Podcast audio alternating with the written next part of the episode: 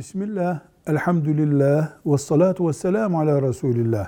Rabbimiz Kur'an'da borç alıp verirken yazın buyuruyor.